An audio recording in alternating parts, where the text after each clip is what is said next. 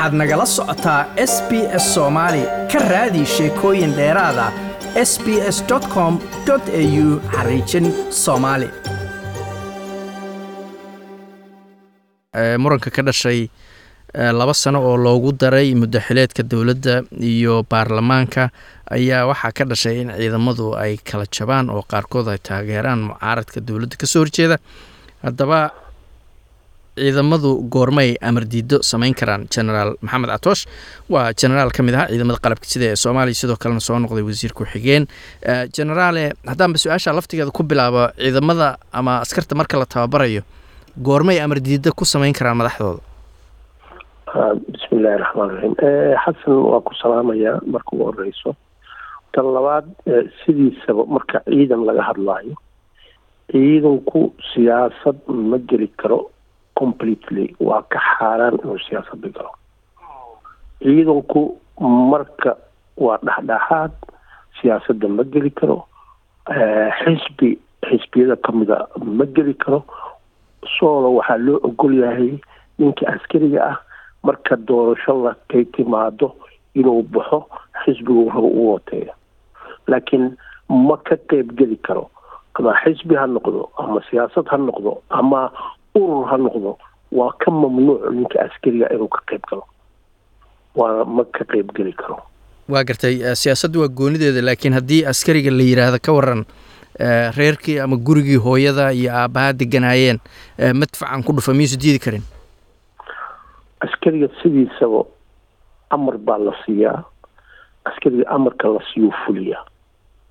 Marka la leeyahay gurigaaga madfac ku dhufo macquul maaha in gurigiisa uu madfac ku dhufto.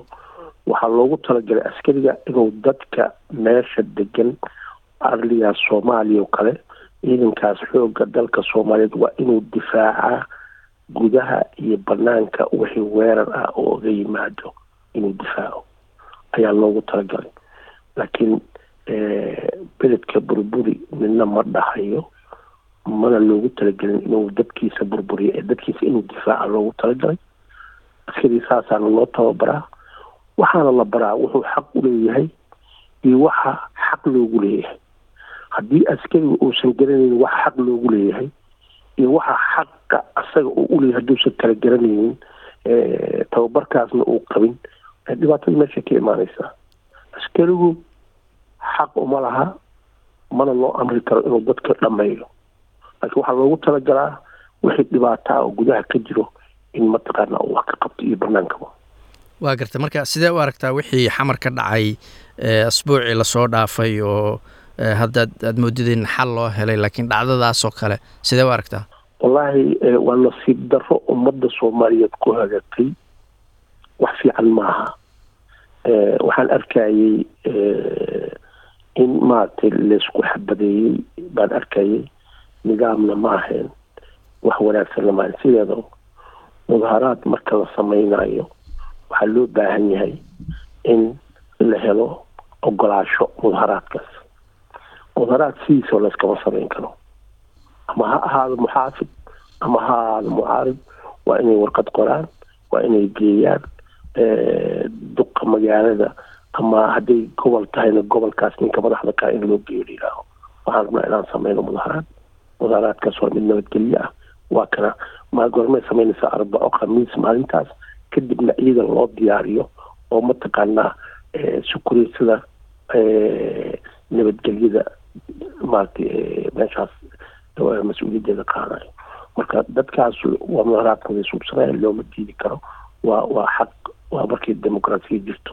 Dictatoriya hadday jirtan maba mudaharaadi karo nin mudaharaadi karaa ma jiro ciidamada xooga dalka soomaaliyeed habbaa loo dhisaa waa la isku dhafaa. Soomaaliya qabiil baa dilay hadda ka horna raboor baanu ka gudbinay ciidamada soomaaliya ka jiro oo soomaaliyeed waa in habkii la maraa la dhisaa qabiilka laga saara. Qabiilkana hab looga saari karaa jiro oo sahlan laga saaro qabiilka loo saaro guddi ka shaqeeya arrinta ayaga ah si loo sameeyo ciidanka. Ciidanka waxaa loo sameyn karaa. Iskeedakooda la sameynaya. Nin kasta meeshuu ka yimid siduu ahaa. Waxaa loo sameynaya horintii soddon iyo saddex qofa waa inaysan soddon iyo saddexdaas qofood laba qofood ka badan aysan isku qabiil noqon karin. Marka saa loo sameeyo wax gadoodayo iyo wax qabiil u baxaya male laakiin ciidan markii horeba ahaa jantaar rogan haddana jantaar rogan lagu qoray lagu qoray dhibkeeda leedahay berita wax ka xunaa ka imaan karo haddii aan wax laga qaban ciidan aan dhisnay maaha dhismuhu dhar iyo xabad la rida maahan ciidanku dhismaha waa xididka waxaan rajaynaya in arrintaasna loo soo jeesto. I hope in maaragtay soomaaliya ay si fiican lasu afgarto. Waa gartay guud ahaan hadda xaaladda dalku sida uu ku socdo iyo arrimaha doorashada oo hadda la sheegay in kulan la iclaamiyey labaatanka bisha dib u heshiisiin ay socoto. Sidee u aragtaa? Wallaahi horta wax fiican waaye tanaasul in la sameeyo laakiin sideedaba marka mas'uuliyadda la haayo waxaa jiro wax ka hortagaa jiro oo mataqaanaa waxa intaysa dhicin. Arrintan hadda laysku haysto horay ayay u socotay one man one vote inuusan soconaynin. Nin kasta wuu ogaa. Waayo suurtagal maaha waxaa diidayo nabadgelyadii ma sugna. Wax isku hagaagsan malaha doorashadii meel lagu qabanayo malaha haddii la yidhaaho degmo iyo waxaas ma dadku waa in la diiwaangeliyaa. Waa in la sameeyaa nidaamkii one man and one vote ma soo dhowa waxaad ogsoon tahay hadda ka hor guddoomiyihii hore ee baarlamaanka jawaari wuxuu soo iclaamiyey khadiijo gabadhan qaabilsan guddiga doorashada. Oo u yeeray wuxuu yidhi waxaan rabaa inta aan la gaarin twenty twenty one haddaa laydin doortay. Haddoo laydin doortay waxaad keentaan raboor dhahaya waa qaban karnaa iyo ma qaban karno. Waa qaban karnaa see loo qabanaya ma qaban karno maxaa diiday labadaas raboor soo qora si hadda aan oga gaarno waxaa jiray gaab weyn wakti dheeraa jira arrintaa ayada waa la sahladay. Ninkii odaga ahaana maaragtay gacan laguma siin.